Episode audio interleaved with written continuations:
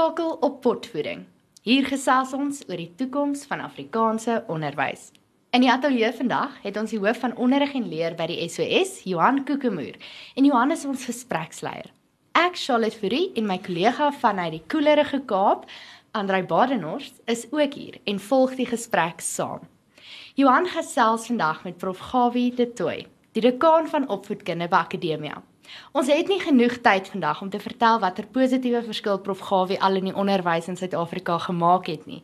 Maar dit is 'n voorreg om Prof vandag in die ateljee te hê om Prof se ervaring en wysheid bietjie met ons luisteraars te deel. Baie welkom. Baie dankie. Dankie Charlotte. Ehm um, waardeer dit. Ek gaan sommer begin en eerstens Prof, dankie vir die tyd. Dit is So ons is voorreg om om te gesels met met mense soos Prof. Ons het verlede week met Prof Gosen gesels. En ehm um, in hierdie hele proses dink ek slyp ons ook ons ons eie gedagtes. Ehm um, so Prof moet asseblief so oop en eerlik as moontlik wees, maar ek weet ek hoef nie dit daarom te vra nie. Ek noem dit net ehm um, vir die vir die doel van 'n oop gesprek. So as ek iets vra of iets sê waarmee Prof nie saamstem nie soos die vorige keer, ehm um, asseblief ehm um, verskil graag. Ek ek wil begin by Ek kan onthou die eerste keer toe ek besluit het om die KBV van bladsy 1 af te lees.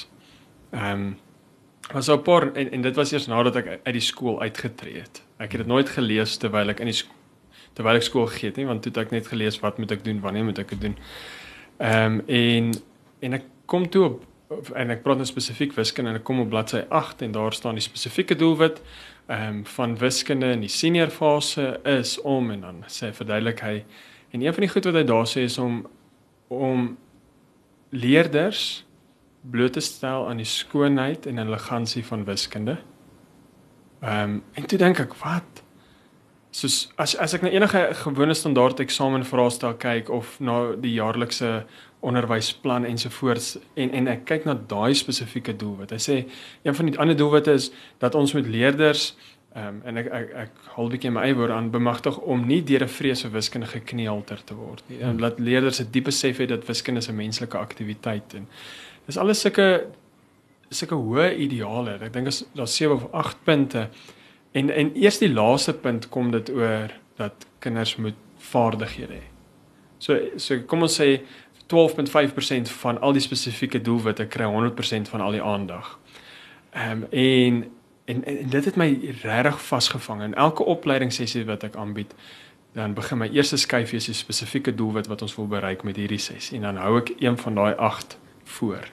En dan vra ek hulle het hulle al hierdie iewers gelees. En daar tot en met vandag uit die honderde sessies wat ek al aangebied het kon nog nie een onderwyser vir my sê waar ek daai spesifieke doelwit kry nie. Maar ons almal onderrig die KBV hmm.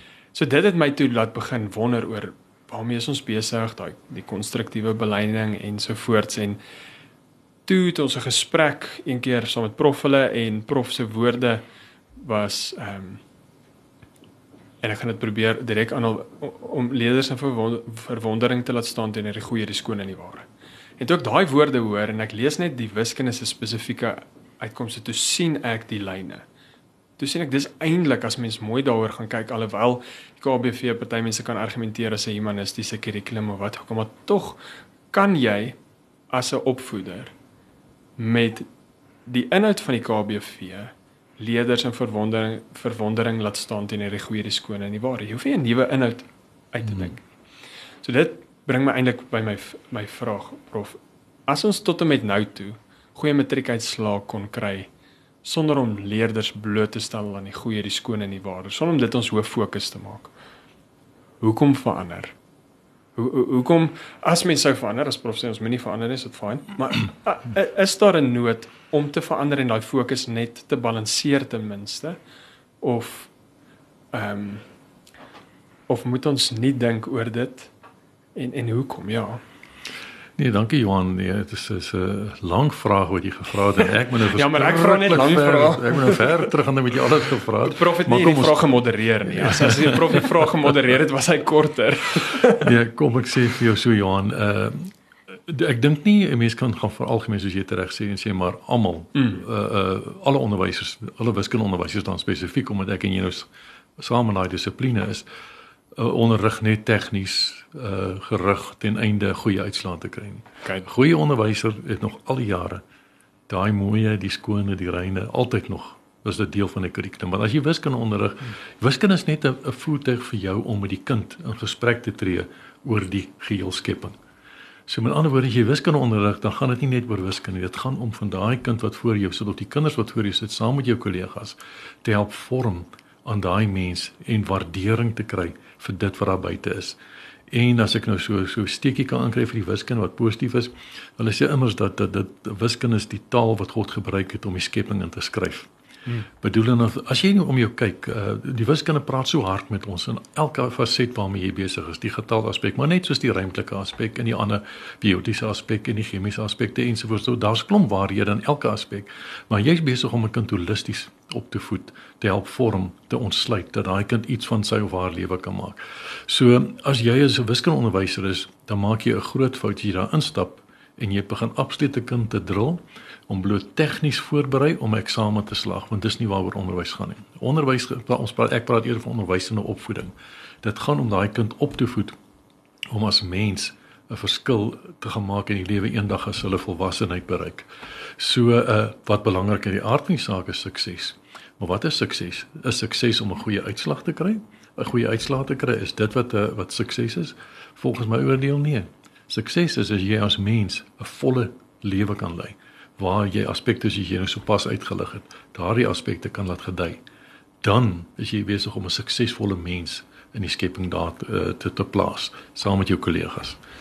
Uh, maar ek dink daar is 'n belangrike punt rondom die die sukses want ons sê altyd assessering dikteer pedagogiek. So die manier wat jy mense meet dikteer hoe hulle gaan optree. Dit dit het 'n groot invloed daarop. En en en in die in die onderwys nou en ek ek is profes reg ek moet nie vir algemeen nie maar ek ek moet soms omdat ek nie noodwendig nou die feite voor my het nie. So ek gaan nou weer vir algemeen vergewe my daarvoor. Maar ehm um, het ons die fokus op ehm um, wat ons as 'n suksesvolle onderwyser sien? Ehm um, dalk misplaas. En want daai wat prof nou gesê het ek ek dink as as ek myself so sou meet ek dink ook aan aan aan Dan Potgieter sy woorde was een keer het hy gesê dat hy meer die sukses van die matrieks wat hy aflewer in terme van die verskil wat hulle maak in die gemeenskappe waar hulle land. Hmm. Nou dit veg dat jy moet baie ver vorentoe kyk en jy moet jy jy moet eintlik die volle kind raak sien. En in in die vorige gesprek met prof het prof gepraat van die jy moet die kind se potensiaal ontsluit as as 'n as 'n opvoeder. So nou begin ek dink as ons as opvoeders dalk deur bureaukrasie of wat ook al die geval mag wees op verskillende snaakse maniere gemeet word. Dit sê dit is die deurvloei syfer wat jy het of die hoeveelheid universiteitsvrystellings wat jy deurdruk. Al wat ook dis dit is belangrik. Ons sê nie dis nie belangrik nie. Ehm um, maar maar hoe kan ons intern onsself net weer hervestig en sê ons soek 'n ander assesseringsinstrument vir onsself as opvoeders. Hmm. Um, hoe kry ons daai gesprek aan die gang onder opvoeders om te sê hmm. goed, kom ons kry nog 'n assesseringsinstrument. Um, en men meet nie net op hierdie gewone uh, tradisionele assessering soveel uitslaa dit dit dit. Ehm um, hoe hoe kan ons daai gesprek loskry onder onderwysers? Ehm um, Johan, ek, ek ons gaan terug na assessering toe. Hmm. Ek dink die probleem is dat 'n mens vir absoluteer op assessering en alwaarna ons gaan kyk, ons gaan kyk net vir assessering van leer.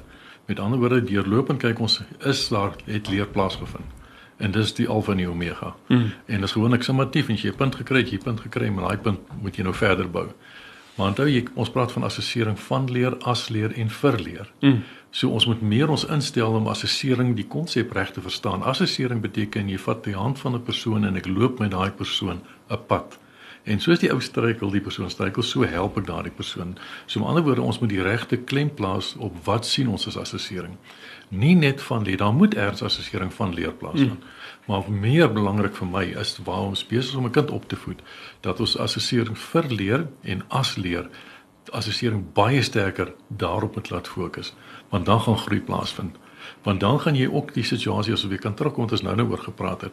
Dan gaan jy 'n situasie kry dat ons nie net tegnies bloot raak nie, want as jy net assessering van leer deurlopend gaan hê, dan gaan jy bloot tegnies wees want jy stel 'n vraestel op, jy kry die punt, jy kyk wat sou keer jy stel dit reg, maar die ander ene bring daai verwondering, die mooi, die skoon, die rein mm. na vore, man. Jy gaan tipe dinge doen wat wat nie net in die klaskamer noodwendig vasgebind eh, vasgebind is nie, maar ook dinge buite kan die klaskamer.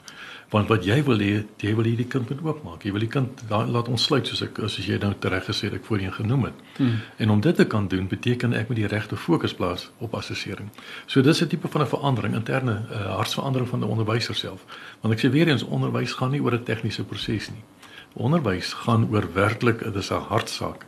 Dit gaan oor moet mense besig wees om iemand te help voorberei, soos jy, jy gesê daan te reg gesê het, om eendag 'n verskil te gemaak in die gemeenskap waar hulle gaan staan. Dit is wat belangrik is. Uh en met ander woorde, ons moet daai mens in totaliteit in uh laat ontsluit. So, al die aspekte van sy mens wees, nie net hierdie een of twee of drie aspekte waarop 'n mens baie keer in die skool fokus nie. Dit laat my dink aan daai ehm um, dis 'n brief wat Prof Gosen vir die beweging geskryf het rondom die opvoedingsideaal en die spanning tussen opvoeding en opleiding. Hmm. En en nou sien ek dieselfde spanning spanning tussen hierdie assessering van leer teenoor assessering as leer. En dit want die een word is 'n direkte ehm um, kwantitatiewe uitset wat jy kan lewer en sê ek is my klas gemiddeld is 75%, ek is nou 'n goeie onderwyser.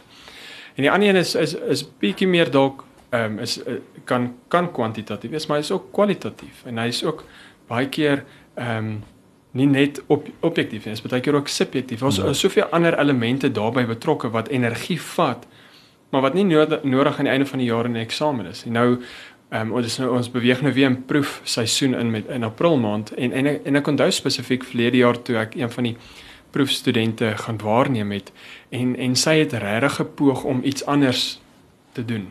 Hmm om dieselfde inhoud net iets op 'n ander manier te bring en en een van die kinders hier aan my regterkant hand opgesteek en sy het vir die kind gevra, "Ehm goed, wat is jou vraag?" en hy sy sy vraag was, "Is dit in die eksamen?"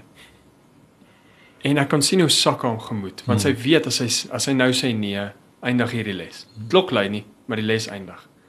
Want as hierdie kinders weet dis nie die eksamen nie, gaan hulle nou energie hmm. daar. Want hulle word ook net gemeet aan daardie uitset. Mm. En ek en, en ek dink daar is daai hartsverandering wat prof nou van praat wat ons moet maak is dat ons moet um, ons moet streef na iets met met kom ons nou met ewigheidswaarde. Iets wat verder strek as graad 12, iets wat mm. verder strek as universiteit.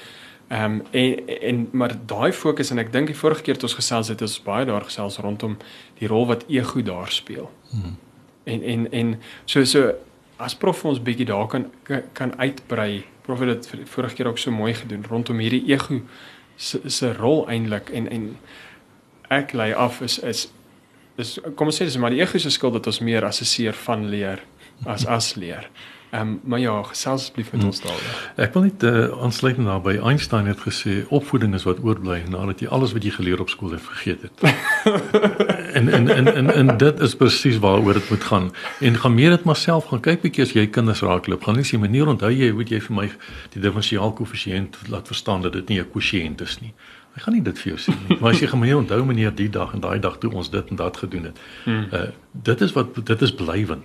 Hmm. So opvoeding is blywend en dit is wat ons doen. Ons is opvoeders. Ek is nie 'n wiskunde tegnokraat wat iemand nou moet leer om 'n klomp natuurlik gaan ek dit leer, maar in daai voertuig wat ek gebruik om dit te doen, moet ek opvoed saam met saam met my kollegas ons ons deurlopend besig om op te voed.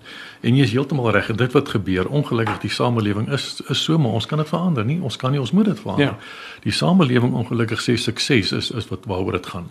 Maar sukses is baie egosentries. Dit gaan baie oor die ek, hmm. wat ek kan bereik en en soos in in hierdie proses laat laat jy baie keer, ekskuus vir die uitdrukking, lyke op die pad hmm. om te kan bo uitkom. Maar dis nie waaroor onderwys gaan nie. Uh, onderwys gaan om van daai jong mense werklike staanplek in die lewe te gee.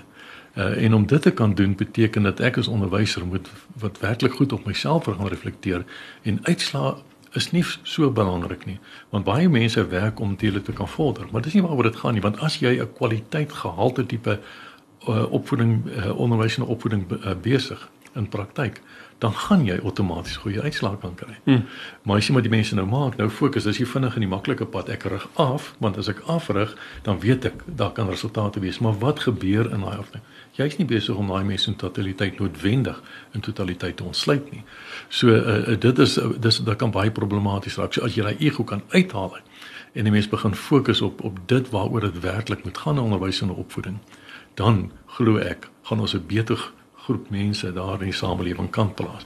Want die as jy jou kinders wat jy gaan deur jou hande gaan saam met jou kollegas, nie net jy alleen nie, is altyd in span van 'n gemeenskap die die uh, kinders wat deur julle hande sal gaan, gaan met ander woorde 'n vol mens wees wat hmm. in praktyk gaan staan en nie wanaangepas aanhalingstekens wat net op een aspek kan fokus en sodra iets buite daardie aspekte uh, figureer dan kan hy of sy dit nie hanteer nie want hulle weet nie hoe om dit te doen nie. Hmm. Daai sagte vaardighede wat ons nou nog van praat, emosionele intelligensie, saamwerk met ander mense, probleme te kan oplos. Daai sagte vaardighede is nie noodwendig ontwikkel nie want jy dit absoluut verskraal deur dit van toepassing te maak sê maar op net wiskunde.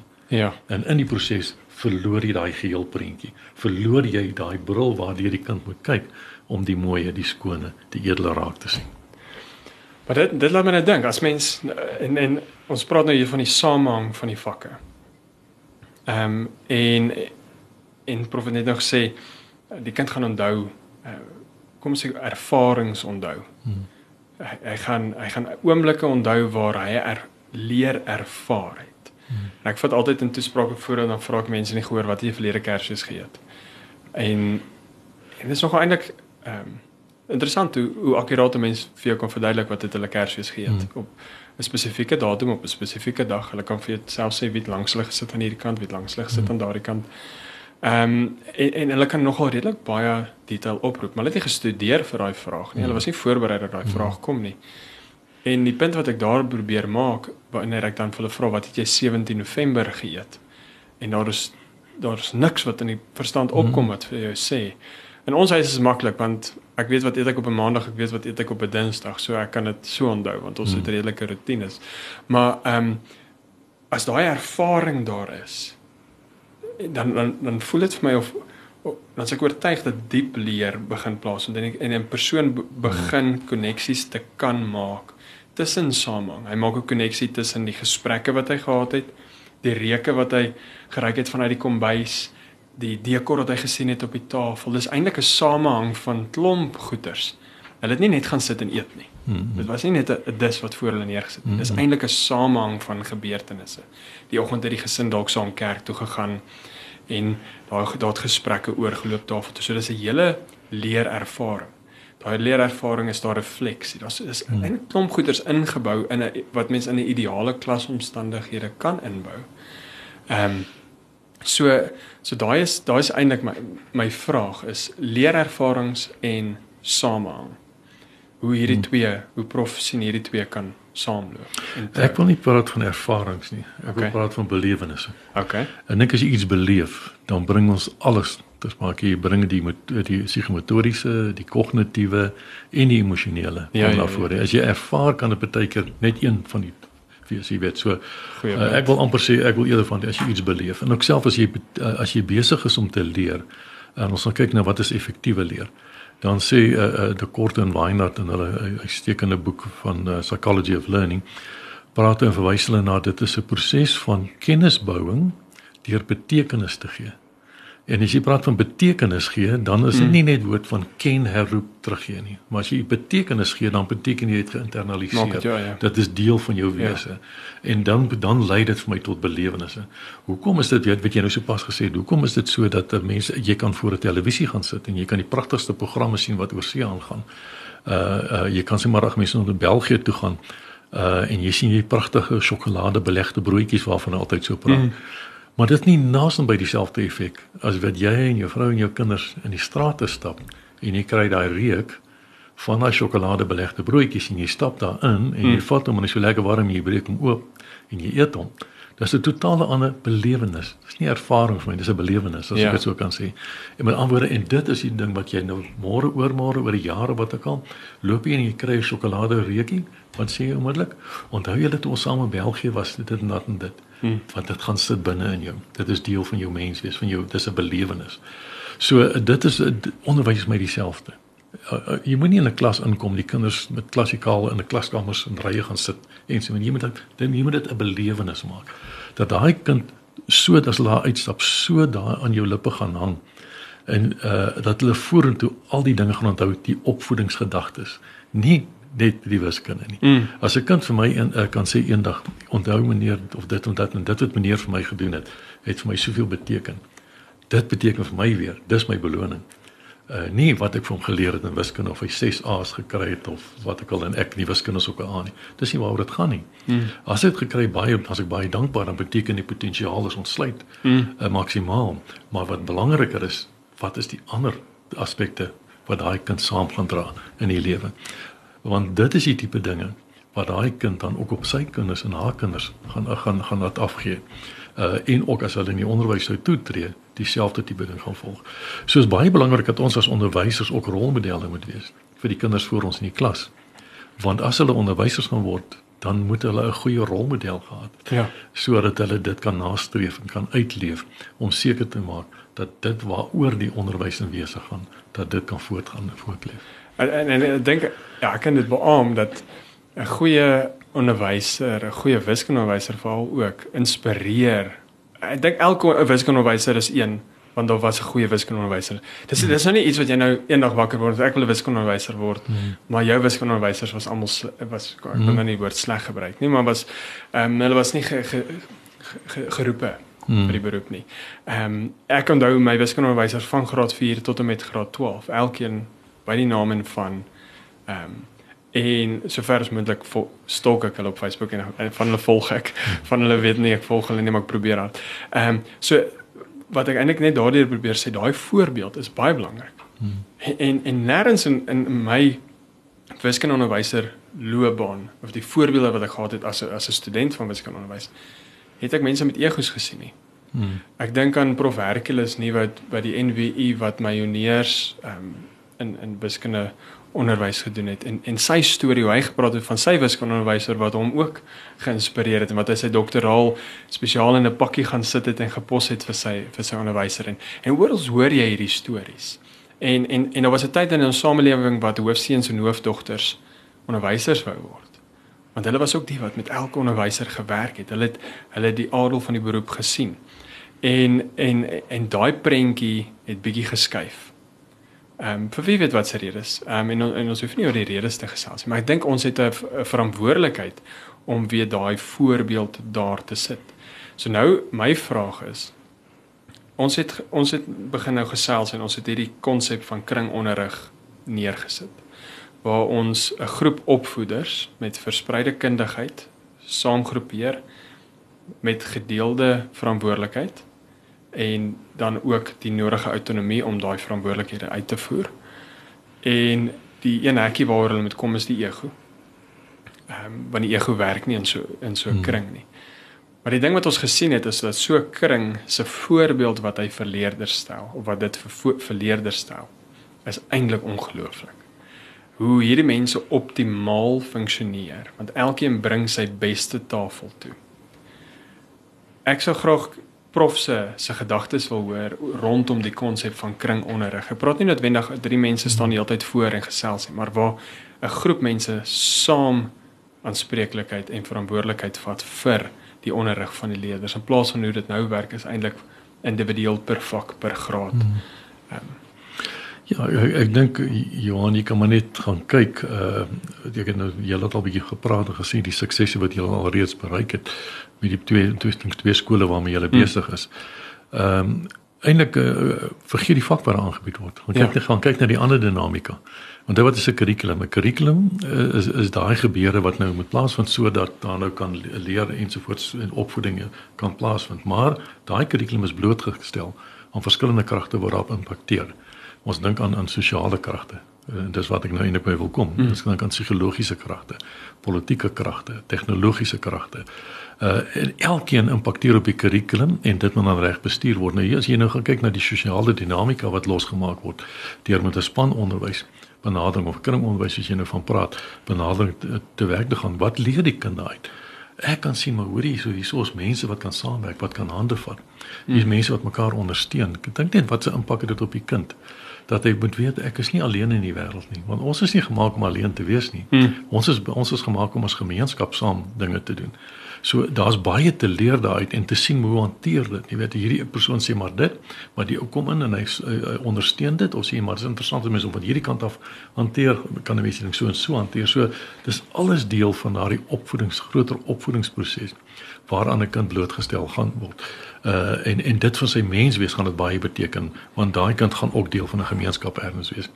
Maar natuurlik wat nou ook belangrik is is dat jy kry nou dat jy kundighede op verskillende vlakke daar is wat mekaar versterk. Mm.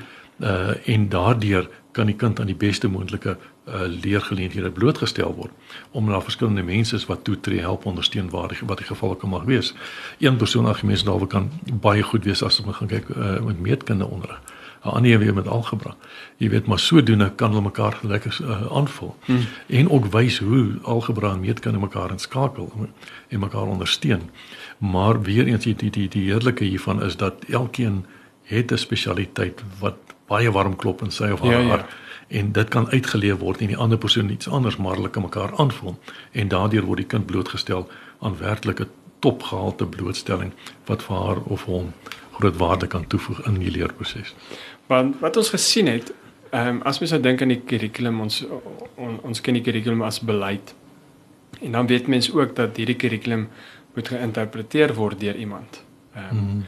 en in die verlede daai interpretasie gelê by uh, die individu. Mm. En as daai individu 'n sekere verskraalde siening het rondom die die inhoud of of die spesifieke doelwitte en dan gaan dit wees hoe hy dit interpreteer en hy gaan net gaan na die jaarlikse onderrigplan en net begin op week 1 dag 1 en hy gaan dit net so volg presies. Hmm. En wat hy nie klaar kry nie word dan 'n hoop huiswerk vir die kinders om klaar te maak by die huis en dan gaan ons aan maar kry weer ander opvoeders wat dan weer hierdie ding ehm um, jy kan sien hulle hulle hulle kou hom.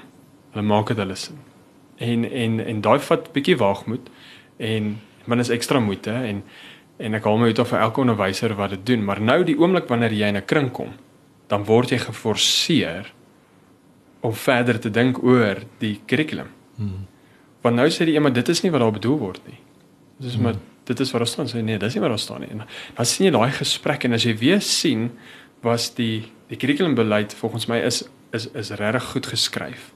Ehm um, my groot kritiek kom met die jaarlikse onderrigplan wat gebou is op 'n string aannames wat met geld vir almal en dit is nie hmm. noodwendig waar nie maar nou nou wat hulle doen is hulle vat hierdie hulle kyk na die spesifieke doelwitte hulle kyk na die konteks van hulle omgewing en as jy weer sien sit hulle iets op die tafel wat die individu nie op die tafel kon sit nie hulle het eintlik ook in hierdie kring hulle eie potensiaal ontsluit hmm. Want daar was verskillende insette van verskillende kante en nou kry die kinders daai en dis presies wat prof nou sê, kry nou die beste van elkeen. Maar nou is nog steeds daai hekkie van die ego. Want as uh, sodra jy kundigheid versprei, dan moet jy besef jy gaan ook erkenning versprei. Hmm. En en dit is eintlik iets wat ek het nou begin met die onderwysers gesels oor hierdie, maar ek het nog nie presies vir hulle antwoord hoe, hoe om daarop te reageer. Elke fase verskil nogal. Is nogal interessant verskillende fases hoe hoe hulle oor erkenning voel uh, grondslagfase het 'n heeltemal 'n ander siening siening as VOO fase. So wat sal prof tipies vir daai kring ook sê? En dit kan 'n huisgesin ook wees. Hmm. Dit kan enige groep mense wees wat saam werk aan die opvoedingsideaal om hulle kind te laat staan teenoor die goeie, die skoon en die ware. Hmm. Maar nou in ons huis is dit ek en mamma. So is nou nie die kinders hardloop nie net meer net na mamma toe nie. Hmm. Dan sê sy maar jy het al hulle het altyd net na my toe gekom toe dit hmm. klein was. Sien nou maar nou het ons 'n verdeelde kundigheid hier. So. Hmm. Ons het nou die moet nou die erkenning ook versprei. Dis 'n ek ek, ek tong 'n kies voorbeeld. Maar ehm um, hoe hoe sou prof daardie kring um, toespreek en en met hulle gesels rondom hierdie erkenning ding? Want dit is hmm. iets wat tans in die pad staan. Hmm. Kom ons begin daar weer te te uh, te sê maar wat is 'n kurrikulum nê? Jy, jy ons kan praat van 'n bedoelde of 'n beplande kurrikulum, mm -hmm. dit is hoe hy geskryf staan en jy is heeltemal reg. Dit dit lyk baie goed en baie mooi op papier. Maar die oomblik as iemand hom in die hand neem dan gee ek soos jy het gesê reg dan interpreteer ek, né? Dan het ek 'n geïnterpreteerde kurrikulum. Hmm. En heeltemal reg. Uh, uh, as jy dit alleen gaan doen, dan is dit uh, dan sit dit baie keer 'n ingsiening kan baie goed ook wees, moenie fout maak nie. Hmm. Maar wat groter waarde het as 'n mens saam gaan sit en ons gaan kyk na die hele totale prentjie en ons interpreteer dit saam in 'n fase uh nie net in 'n vak noodwendig maar ook in 'n fase. Mm. Want as jy 'n kurrikulum interpreteer, dan die aard van die saak moet jy gaan kyk maar wie is die kinders? Wat is die konteks waarin dit mm. werk?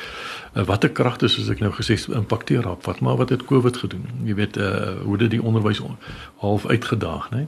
Uh dink aan die tegnologie wat toegetree het as gevolg van Covid en hoe dit die kurrikulum uitgedaag. So dan verander daai hele spel. Dit wat bedoel was is nie noodwendig dit wat nou hier geïnterpreteer word nie alhoewel die kern die afsaak moet deurvloei, maar dit wat bedoel word of wat dit wat geïnterpreteer word in die klaskamer is anders, maar nog anders dat die volgende stap is dit wat geassesseer word. Die geassesseerde kurrikulum kan heelwat anders lyk as wat die oorspronklike beplande kurrikulum is, né? Maar ek dink net hoe wyer jy hom blootstel, hoe meer gesprek daar is, hoe meer mense betrokke daar is om in te, om saam te dink, saam te reflekteer en betekenis te gee aan dit wat voorgeskryf is hoe beter tipe produk vir die konteks vir die kinders wat voor my sit want ek en hierdie klomp kinders hierdie ou en daai klomp kinders en so meer ons kan soveel beter saam dink hmm. en saamvat en hande vat om daaraan te werk en te groei. Die probleem wat jy jy, jy is heeltemal reg onthou net as jy by grondslagfase het dan praat ons van dat ons praat van, van generaliste as ek maar sê en ook so uh, intermediair. Hmm. So met ander woorde die onderwysers moet 'n breë kenniskundigheid hê om meer as een leerarea te kan onderrig of meer as een vak dan. Maar sodra jy in die hoërskool gaan dan raak jy meer gespesialiseer. Dan kry jy jou wiskunde onderwyser, jou taalonderwyser, jou ekonomiese bestuurswetenskap onderwyser. So hulle fokus hoofsaaklik op daai om hulle begin spesialiseer. Volgens my eintlik te vroeg. Ek sou graag nog gehad het 'n mens moet meer generalisties opgaan in op skoolvlak, meer die totale werklike wonder van die lewe beleef uh hoe die samehang van goeters is. Uh jy kan altyd later gaan spesialiseer as genoeg tyd in die lewe om dit ja. te doen. Maar ons is so ge, so geneig en gejaagd om so vinnig as moontlik klaar te maak, om so vinnig moontlik aan 'n werk te kom, so vinnig moontlik geld te maak ten einde bo uit te kom. En dis 'n dis 'n gejaag na wind baie keer. Hmm. Want as jy daar kom uh aan die einde van jou loopbaan en sê net maar wat het eintlik gebeur in my loopbaan? Hmm. Dat jy so baie goed op baie goed uitgemis. So ehm uh, Johan ja, ek ek dink so daai gedeelde verantwoordelikheid volgens my is geweldig belangrik. In die huishouding dieselfde soos jy dit reg genoem het. Hoe meer mense so mekaar saamwerk, hande vat en saam praat, hoe beter. Maar die ego is altyd 'n probleem. En dit is maar die mens, skepping sonder val verlossing. Ja. Hy is daar, maar dankie Vader as verlossing. Ja, ja. ja. So ons kan ons kan daarvan uh, loskom. Ons moet net eerlik opreg met mekaar praat en as dit gebeur, moet ons daai vertrouensverhouding met mekaar hê. Sê moet dit gaan nou nie daaroor, dit gaan eintlik nou hieroor. Hmm. En op so 'n manier werklike kultuur skep van samewerking, van hande vat, van saamtrek en die die groter opdrag in jou lewe om hoogleiding van die kind tot God. Dis ja. waaroor dit aan die einde van die dag gaan nie om jou beeld uit te bou nie. Ja ja ja. Maar dit gaan oor daai vertikale verhouding boontoe en die horisontale verhouding met jou mense. As jy 'n horisontale verhouding en jy praat die liefdesaspek, uh die Bybelse liefdesaspek in in die sentrum, dan gaan daar goeie verhoudings wees. Dan gaan daar nie plek wees vir ego nie. Dan gaan nie plek wees vir jaloesie nie. Want as alles uitvloeisels van mm. ego, dan gaan daai goeters gaan natuurlik huis en ek is mens, soos nou net gesê sondeval, nê. Maar ek kan dit aanspreek. Ja. Uh want ons kan dit saam aanspreek want ons is daar vir mekaar ja, ja, ja. om hande te vat. So ek dink dis dis net weer 'n kwessie van ons 'n bietjie terug staan uh oor hierdie goed dink en gaan kyk wat is dit wat die, waaroor die lewe in werklikheid gaan. Ek wil dit weer terugtrek wat wat Einstein gesê het. Dit gaan oor opvoeding. En dit gaan vir ons as onderwysers oor onderwysende opvoeding. Met ander woorde, ek is besig met onderwys, maar ek is besig met die opvoeding terselfdertyd. Daai goed is in mekaar vervleg. Ons kan daai goed nie losmaak nie. As ons dit losmaak, dan kry ons 'n probleem. As jy net opvoeding en jy vergeet om die ou werklik toe te rus, wat gaan jy dan bereik? Gawe onbevoegde mense. Ja, jy sien, so jy moet dit gaan oor dit gaan oor die die die geïntegreerdheid waarvan hmm. en uit die aard van die saak die progressie wat daarmee saamgaan. Ek wil 'n um, bietjie ietsie vra oor daai samewerking. Mm. Ek het ehm um, ek was ook 'n onderwyseres gewees en ek het ook altyd gedink maar ek is besig met spanonderrig. Daar was 'n onderwyser in die buurskool en dan enetjie mm. in daai provinsie en ons het altyd vraestelle saam opgestel. Jy doen hmm. vraag 1, jy doen vraag 2 en dan aan die einde ek en iemand in die skool om my vraestelle te modereer nie of as die kinders klaar hmm. geskryf het, so gaan dit gou-gou vir daai ene stuur. So ons was mos nou span. Ons het mos nou saam gewerk en onlangs in al ons gesprekke wat spesifiek gaan oor hierdie kringonderrig en wat dit werklik is om saam te werk as 'n groep onderwysers is eintlik heeltemal iets anders as wat die die dienende onderwysers in die skole dink. Um, ek het ook al onlangs met 'n groep onderwysers gesels en hulle sê nee, maar hulle hulle doen kringonderrig. Hulle sit een keer 'n kwartaal saam en dan kyk hulle gou hoe gaan hulle in hierdie in hierdie kwartaal tussen die verskillende klasse nou die inhoud dek en watter hmm. voorbeelde gaan hulle hier gebruik en wanneer gaan daar in die klas 'n hmm. toets wees. Hmm. Maar ek dink nie dit is wat jy bedoel wanneer ons praat van kringonderrig nie. Ja, ek dink die die groot verskil daar is die verskil tussen saamwerk en koöperatiewe leer. Hmm. Waar met koöperatiewe leer is elke persoon binne die groep het 'n 'n goed gedefinieerde rol wat hy of sy moet vertolk. Hmm. Saamwerk ehm um, is dit gewoonlik die die persoon ehm um, wat die hardste werk, wat die meeste werk, ehm um, want die taak moet afgehandel word. Maar die oomblik wat jy rolle definieer en jy sê, goed, jou werk is om Uh, ons het 17 rolle gedefinieer in in 'n in 'n kring. Um, een van hulle is die navorser, een van hulle is die storieverteller. Ehm um, een iemand is die data analiseerder. En dan dan verdeel jy daai rolle onder die 3. Waar gewoonlik 'n standaardonderwyser moet al 17 rolle self doen. So nou verdeel jy daai rolle en jy plaas dit op die sterkpunte van elkeen, maar jy kan dit ook wissel om ook so seker te maak almal word bemagtig. So dit is hoe ek kringonderrig verstaan is waar elke opvoeder die verantwoordelikheid deel, maar met 'n spesifieke rol. Ehm um, waarvoor hy of sy dan verantwoordelik staan binne Ja, so dit is nie net vooraf saam beplan. Saam beplan en dan vat ons uit die volgende 3 maande en dan beplan ons net weer hmm. net. Dit is 'n daaglikse kommunikasie, daagliks saamwerk, saam hmm. reflekteer, saam doelwit stel. Vorige keer dink ek het ek vir julle gesê daar's 'n gesegde wat sê as jy as jy vinnig wil wees, gaan alleen. Hmm. En dis wat julle nou gedoen het met daai jy stel daai vraag op, ek stel die vraag op. Dis lekker hmm. vinnig kwessie van toets af en julle die vraag stel op. Hmm. As jy ver wil gaan, dan gaan jy saam met ander. Hmm. En en dit is wat jy nou hier sê Johan, dit dit is verskriklik belangrik. Jy natuurlik moet jy jou kundig maksimaal jou kundigheid maksimaal ontgin. Hmm. Maar baie belangrik is daai kundigheid moet nie in silo's ontgin word nie. Ja. Jy dat jy kry daai inligting, maar dan moet daai saamgetrek word koöperatiewe leef vir jou sê. Hmm. Dan word daai goed saamgetrek dat dit alles 'n een eenheid word weer want anders hardloop ons weer in silo's. Mm. en die hele idee gaan hoe bring ek alles bymekaar hoe kan ek sien maar hierdie ou se insette is dit nou is inset maar hoe werk dit alles saam tot dit wat ons graag wil bereik in daardie opset daai onreguleer situasie? En dit is van geweldige dis van kardinale belang dat daai samehorigheid moet daar wees daai samehang van goed moet daar wees. Ja ek het nou 'n ander vraag rondom hierdie idee van belewenis leerervarings. Ehm um, die kurrikulum wat deur 'n groep kundiges geïnterpreteer word. Al hierdie goedjies nou saam. As mense dink aan die ideale skool en dit sou gebeur. Hulle sou hul kultuur verander en so onderrig en leer laat plaasvind. Antisipeer prof dat daar minder meer of dieselfde hoeveelheid dissipline uitdagings sal wees. Johan kom son terug na onderwys wat ek geken het. Uh die onderwys wat ek geken het, toe loop ek as ek sportonderwys kan sê die eerste onderwyspos wat ek bekleed het, die dag toe ek kom toe roep die houtwerk onderwyser my sê vir my hoe groot moet die plank wees en hoe dik moet hy wees. Want dis hoe mense dissipline in daai jare, dis die, dit is dan met die vorige millennium hoor ek kan ja. sê wat dit nou gebeur het. Dissipline is nie 'n probleem, is my ervaring as jy baie goed voorberei is en elkeen weet wat om te doen en elkeen is betrokke nie dan dan is dit dan is daar volgens my werklik minimaal. Jy gaan natuurlik dit is ons lewe nie in 'n perfekte mm. wêreld nie. Daar gaan daar uitdagings wees, maar ek dink net deur goed voorberei te wees en die kinders daadwerklik te betrek in die onderrig en leer en nie net dat hulle so skapende uh houers sit waarin jy net 'n klomp kennis uh, in pomp met ja. maar dat hulle aktief konstruktief deelneem aan daai proses en daar's dinamika saam met die onderwysers en so meer. En almal is besig, dan dan werk almal saam aan gemeenskaplike doel toe. Dan dink ek nie daar behoort met dissipline probleme te wees nie. En as dit daar's hanteer jy dit baie subtiel uh op 'n manier en jy kan dit doen want terwyl daar aan gaan sien soos in 'n klas waar jy alleen is, daar's 'n dissipline probleem. Ek, ek moet hom aanspreek en die hele klas staan stil nie. Hmm. Een van die onderwysers kan er baie maklik inkom hier in beweeg en hierdie situasie hanteer terwyl die res hmm. nog steeds voortgaan. So ek ek dink nie, ek dink inteendeel ja, jy behoort minder. Alhoewel mense gaan sê maar dit gaan chaos, maar chaos is nie beteken nie daar's nie dissipline nie.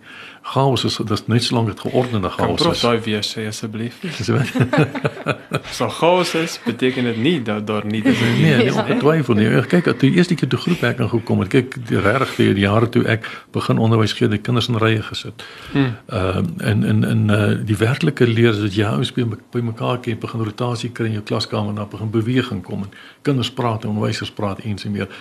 Uh dit is dit is leer, dis 'n leergeleentheid, jy weet.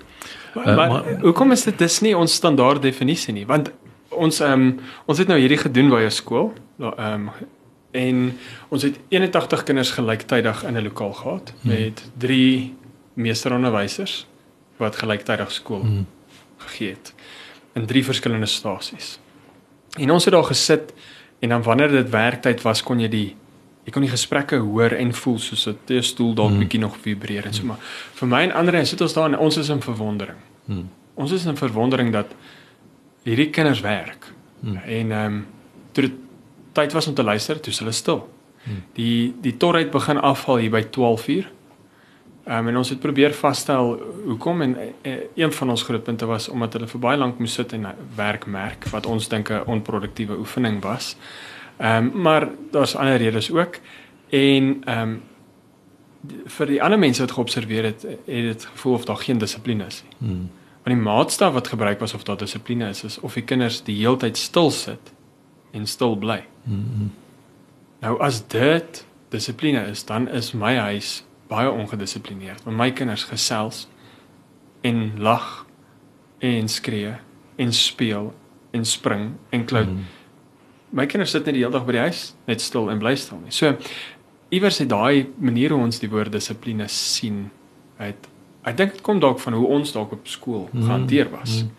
Ehm so so prof se insig daar want ek dink dit is 'n wa- want wanneer ek vir mense sê wanneer daar chaos is is dit nie noodwendig dat daar nie dan glo hulle my nie want hulle weet ek Mm. hou van chaos ek Mm. floreer in chaos maar nou ehm um, as prof dit dalk nou sou sê dalk sal meer mense dit glo ehm um, so so brei vir ons da- daarop uit asseblief Kyk, jy- maar ons praat van net ons praat van geordende chaos. Ja. As daar so iets kan wees. jy, jy, jy Want jy, jy, dit. jy, jy, jy het nog nooit jy nooit jou doel uh, het jy laat verlore gaan nie. Mm. Jy weet nog steeds waar jy nog op pad is. Mm. Maar in hierdie proses skep ek hierdie geleenthede wat maksimale leer teweeg kan bring wat maksimale skakeling met mekaar kan teweegbring, wat maksimale opvoeding teweeg kan bring in daai geleergeleenthede, maar nog steeds is die die onderwyser of onderwyser gaan nog steeds in beheer van daai hele proses wees. Dit gaan vir iemand van buite klink of dit so is, maar dit is nie noodwendig so nie. Ja. Want aan die einde van die dag gaan jy daardie kinders by die doel uitbring waar jy graag wou gewees het in die proses. En natuurlik kan 'n bietjie afgewyk word want baie keer gebeur daar iets in die klas wat 'n ongelooflike goeie leerervaring is Ja. wat na vore kom Spontaan. wat, wat en dan besef jy hoe die ek sal moet aanpassing maak Mm. en dan hanteer jy en bestuur jy dit so. So wanneer ek sien dit totaal nie ek, ek dink nie mens moet miskien mooi gaan kyk wat bedoel mense by chaos. Ja, Uh, ja, as jy ja. as jy absoluut dissiplineloosheid het in die sin dat dat daar geskree en ek glo en dit is weg van die fokus is weg Ja. van dit waaroor dit gaan. Ja, dan is dit chaos. Ja. Dan is dit ongeordende chaos. Ja. Maar as dit as dit werklik uh, uh, uh, kom ons praat van die Engelse basis, né? Nee? Met ander woorde daar's daar's werklik 'n uh, uh, 'n beweging in die klaskamer wat 'n mens kan voel en maar sien maar eers hierso beweeg, die dinge beweeg mm. mooi na vore. Dan is dit nie vir my chaos nie. Ja, Uh, net solank mens bly en weet waar jy in ons pad is en wat ons graag wil bereik. prof het gepraat van voorbereiding is die antwoord en ek dink almal neem aan 'n uh, uh, onderwyser moet goed voorbereid wees, maar watter impak het 'n voorbereide kind dan nou op die dissipline? Nee, dis natuurlik baie belangrik. Daarom is Goeie die hele vraag. die hele kwessie van van kom ons praat maar van die omgekeerde klaskamer. Dit is so geweldig belangrik dat jy die rolle bietjie want in enige didaktiese of uh, didaktiese situasie kom ons praat maar so, is 'n onderrigleersituasie, is die kurrikulum in die hart. Hmm. Nee, want dit gaan oor die kurrikulum wat geleer moet word, daai leergebeure en goed ensovoorts, alles wat daarmee saamgaan. Maar dan het jy die drie groot rolspelers, die onderwyser, dis die kind en is die leerstof wat wat wat nou daar moet wees en daar's 'n interaksie tussen daai. So wat belangrik is is as uh, met 'n omgekeerde klaskamer ding veral dis wat jy graag wil doen, is dit verskriklik belangrik dat die kind 'n uh, 'n ander rol moet vervul. Mm. En deel van daai rol is dat die kind voorberei klaskamer toe moet kom. Want as jy nie voorberei kan kom nie, dan kan jy mos nou nie aktief deelneem nie. Ja, ja. Ja, dit beteken nie jy moet al die probleme kan oplos en alles met saam gaan nie, maar dit beteken jy moet 'n goeie leeskennis hê van wat waaroor die goed gaan sodat jy kan deelneem aan die gesprekke uh en die aktiwiteite wat daar gaan plaasvind. So geweldig belangrik die kind moet voorberei klaskamer. En onderwyser natuurlik is is is amper 'n rol van meer fasilitering baie keer, né? En 'n fasiliteringsrol is baie baie moeiliker as 'n bloot onderrigrol. As jy onderrig en jy gaan werklik 'n uh, uh, um, lesing gesentreerd, né? Dan is dit 'n kwessie van dat dat ek weet wat ek het, dis so goed wat ek gaan doen en ek bied dit aan. So ek word nie werklik so kwai uitgedag behalwe as daar 'n Mm. paar sterk kinders in my klas Baie is. voorspelbaar. Ja, maar as jy vir jou voorberei om te kan fasiliteer, uh en jy laat die kinders inkom en voorberei wees en jy ken jou algemene pedagogiek en weet hoe 'n goeie vraagstelling uh, hoe om aktief te werk te gaan en daai tipe van dinge, dan fasiliteer jy daardie proses en daar's baie dinamika en dis nou daai tipe chaos waarvan ons Ja, praat. ja, ja. Maar dit is geordende chaos. Dit dit is bestuurde chaos wat gaan plaasvind. Want elkeen het 'n rol te vul binne daai tipe ding. Maar maar Ek dit het nog is nooit 'n rugby wedstryd gesien waar daar nie chaos is nie. ja, wat hulle so soet stil sit. Nee, ek het dit nog nooit gesien nie, maar kyk wat gebeur, maar erns kom maar struktuur en 'n Ja. pragtige beweging en dan kom 'n 3, né? Ja. En baie sportspanne is so, maar gaan ons nou sê dis chaoties. Jy kan baie keer as daar 'n los gechommel raak en jy kan mm. sien maar die ouens het nie 'n plan nie, daar kom niks Ja, ja. Maar as jy 'n goed afgerigte span het, bedoel en dan is daar 'n klomp dinge wat lyk soos chaos, maar uit dit uit kom dinge na Maar vore. dit het nou presies dink. Ons sit een keer saam met drie onderwysers en doen voorbereiding vir 'n leerervaring. En ehm um, ons vra hulle wat is jou wat is die doelwit van hierdie leerervaring? Ons sê nie hulle sal dit aan die einde invul. Dit is soos is maar hoe jy jy's- hoe beplan jy 'n hele leerervaring maar jy weet nie waarna toe jy dit beplan nie. Wat is waar wil ons uitkom met hierdie? Sê nee, ehm um, daai sit soos 'n bietjie airy fairy goeters. Ons ons jy sprinkel dit nou net na die tyd in want dit is op die template van die van die leerervaring. Maar maar eintlik ehm um, ons weet wat se inhoud wat moet gedek word, so ons beplan net dit. En ons het nogal 'n baie harde, warm debat gehad. Ons het prof Gawie en ehm um, Martina se voorbeeld gevolg. Ons het dit mooi gedoen. Ehm um, ons het ehm um, nie lelik verskil nie en en ek ek, ek sou wou sê dat ons hulle amper al kom ons gebruik die woord bekeer het, maar ehm um, daai doelwit voel vir my dit is dis fundamenteel tot die sukses van enige ehm um, prof het nou gepraat van 'n lesgesentreerde benadering, maar nou later nog dalk bietjie daaroor, dit was nogal vir my 'n um, um, goeie woord. Ehm um, maar sonder daai doelwit is dissipline eintlik onmoontlik. Want want die hele idee van dissipline is is daai disipelskap waar jy iemand eintlik lei. En as jy iemand lei en jy weet nie waarna toe jy hulle vat nie, ehm um, dan baie vinnig as hierdie mense agterkom, hoorie maar my leier is nie gegrond nie, my leier het nie rigting nie, my leier is nie voorberei nie. Dan bitter vinnig begin hierdie mense in opstand kom. En en en ek wonder of dit dalk in van die klasse is wat gebeur is eintlik maar 'n tipe van 'n opstand Hmm. om te sê ons verwag meer. Ehm um, ons verdien meer. Ehm um, en ek sê nie dit is reg dat kinders in daardie opstand kom nie. Ehm um, maar ek dink ook as 'n opvoeder is ons dit aan hulle verskuldig om daardie voorbereiding te doen. En daardie doelwitte en daai ideale daar te stel en te sê my werk nou is om te lei, fasiliteer om hierdie kinders op hierdie roete te vat en so ver as moontlik hulle potensiaal te ontsluit op hierdie. Vir hulle te vra, wat sien jy daar? Wat sien jy daar? Hoekom dink jy dit gebeur? Al hierdie vragies. So ehm um, so, so dit is eintlik net 'n- gedagte wat ek wat ek by by prof los en dan vra is daai die rol van 'n doelwit in die sukses van hierdie belewenis. Nee, ek, dit is belangrik want jy, jy moet weet waar jy op pad is. Maar weer eens soos ek nou nog gesê het, dinge kan in 'n klaskamer gebeur wat beter leergeleenthede mm. na vore bring waaraan jy nie gedink het nie. Dan moet jy as onderwyser ook aanpasbaar kan wees en sê maar hoor ek kan my doel wat kan ek aanpas. Mm. Ek gaan nog steeds doen wat op die einde van die dag gaan dit nog ergens gedoen word, maar hier is dit nou meer belangrik om hierdie ouetjies hier te vat op hierdie pad want hier is 'n absolute wonderlike geleentheid Ja. vir groei. Ja ja. En en dan doen jy dit. Maar maar jy kan nie daar instap en nie voorberei wees nie. Uh jy moet weet aan die einde van die dag is daar nog steeds 'n kurrikulum wat wat wat gedek moet word. Uh jy moet nog steeds uh, al daai dinge die kind aan blootstel want as jy 'n bietjie oneties dink ek teenoor die kind. Hmm. Jy vat die kind op 'n wonderlike ervaringstog en die kind is wonderlik en uh, lang aan jou lippe ensovoorts maar as hulle by die matriek eksamen kom uit die einde dan dan weet hulle niks want hulle is nie voorberei ook daarvoor nie. Maar die die uh, maar die voorbereiding moet ek net weer sê soos ons nou nog gesê het, nie afrigting nie, Hmm. maar werklik. Erns moet 'n mens bietjie afrig, né? Uh, in die afsak as, as, as, as as daar as daar werklik goeie uh uh betekenisgewing plaasgevind het dan dan dink ek is dit betekenisvol om toe te tree en sê maar ek maar hoe bring ek nou al hierdie goed bymekaar en bind ek hierdie pakkie mooi vas mm. dat die kind met ander woorde hierdie nou pragtig kan onthou as 'n bousteen om vorentoe vo uh, op te bou en voort te gaan vorentoe nê. So daar moet daai tipe dinge moet daar wees. Nee man, jou vraag te beantwoord nee, is vir my geweldig belangrik dat ons moet weet waar jy ons op pad is.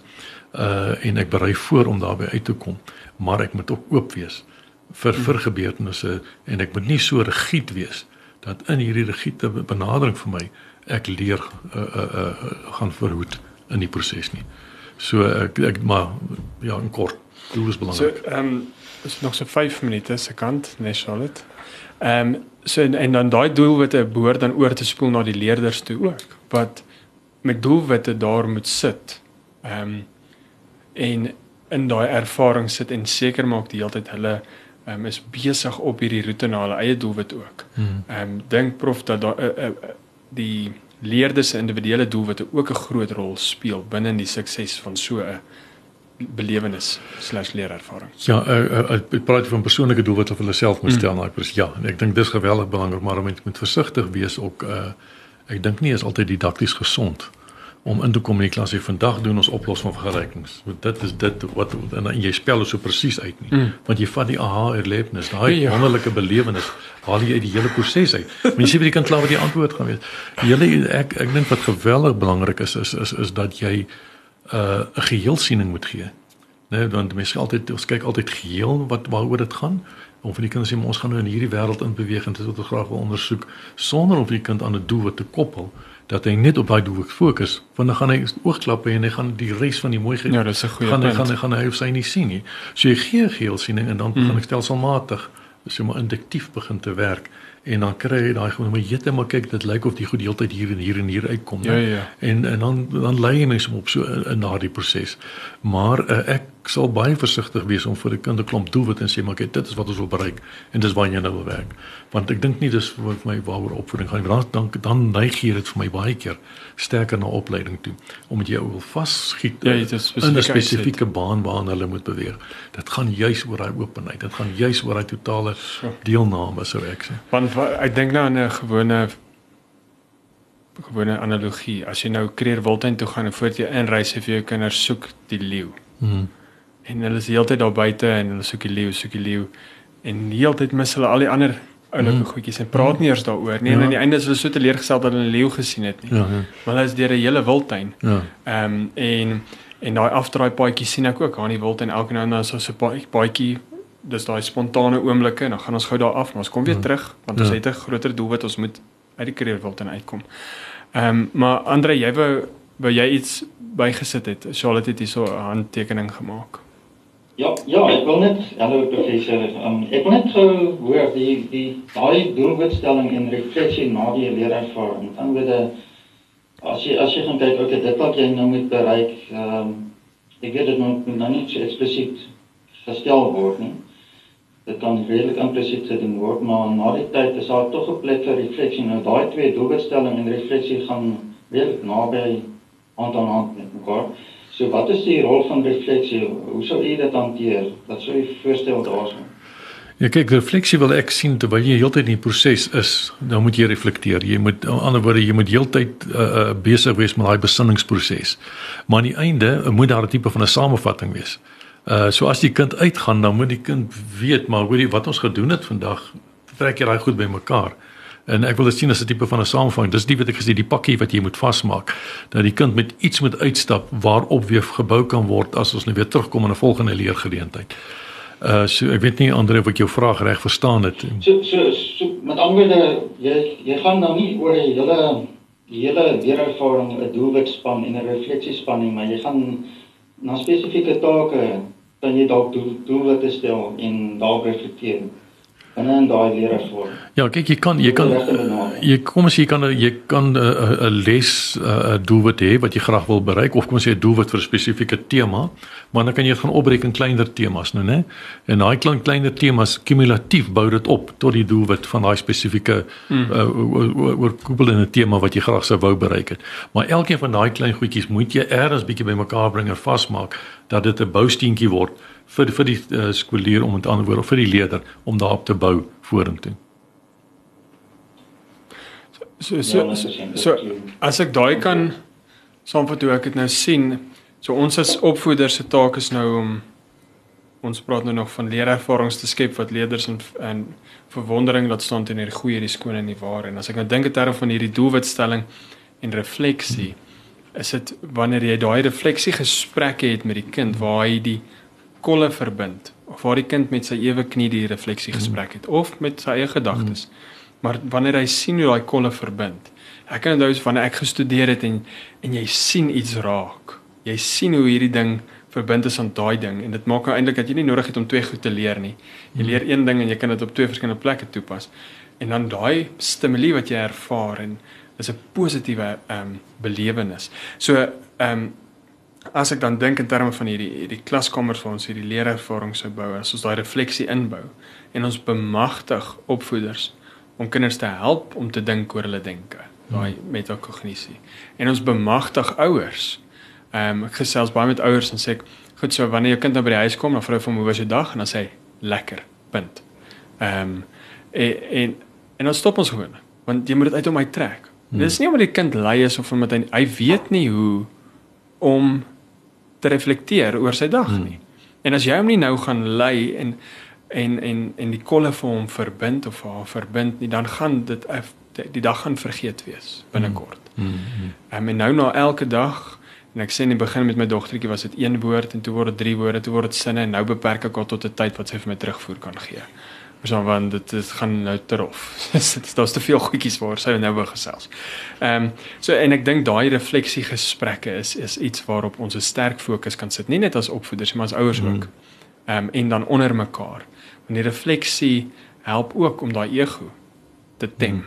Mm, mm, mm. Ehm um, ja, dit is iets ja, wat merk wou afsluit. Om hierdie pakkie nou mooi saam te vat en die strukkie op hom om hom te sit. Dit wat jy aan die begin gesê het en nou baie spesifiek oor die doelwitte. Ehm um, laat my nou dink aan ek is besig om 'n boek te lees en dit gaan oor 'n kaptein van 'n van 'n skip. Hmm. En hy sê by die seremonie waar hy nou amptelik as kaptein nou gaan oorneem. Die die uittredende kaptein is daar, sit hy nou daar en hy besef net as hy nou hier opstaan en hy lê nou sy eet af en 'n minuut is verby en daai skip sink, dan is dit sy skuld. Niks. Hmm. Geen verantwoordelikheid vir daai skip wat op daai oomblik sink, weens watter rede ook al gaan die vorige kaptein se skuld wees nie. Dit is nou maar hoe die stelsel werk en nou laat dit my dink aan aan ons en ek was self daar wat jou doelwit as onderwyser is dan nou is baie kort termyn jy wil hierdie kinders nou graad 10 inligtingstegnologie hierdie inhoud laat verstaan um, met 'n gemiddeld van kom ons sê so 60 dan jy gelukkig maar as jy jou doelwit net bietjie verder stel bietjie groter stel dat jy daai kind oor 20 jaar as hy dan sink is dit dalk jou skuld, nie die persoon wat Watter rol het jy gespeel? Ja, watter rol het jy dan in sy in sy sinking gespeel oor 20 jaar? Ehm um, Of in sy bout? Ja, of in sy bout dat oor 20 jaar is daai kind 'n sukses in sy gemeenskap en 'n verandering in die wêreld mm. maak dan dan is dit ook te danke aan jou doelwit wat jy nie net gestel het vir die einde van die hm. jaar vir daardie spesifieke inhoud. Dinge sal dit as die kind oor 20 jaar sukses is, gaan jy nie erkenning kry daarvoor nie. Hmm. Maar as die kind aan die einde van die jaar 'n onderskeiding het, gaan jy erkenning kry daarvoor. Ehm um, en ek dink daai ding moet ons regtig lekker oorgesels onder mekaar. En dit is baie moeilik ons soek ook erkenning. Ja. Elke mens soek erkenning. Ehm um, maar ek dink wanneer mens werk vir ideaal is wanneer jy sien alles beweeg na die ideaal toe dan vind jy daar in jou vrede. Ehm um, maar dit is bietjie moeilik om daarmee vergenoeg te wees. Ja, en ongelukkig is ons dan nou aan die einde weer eens van hierdie episode van Potvoeding.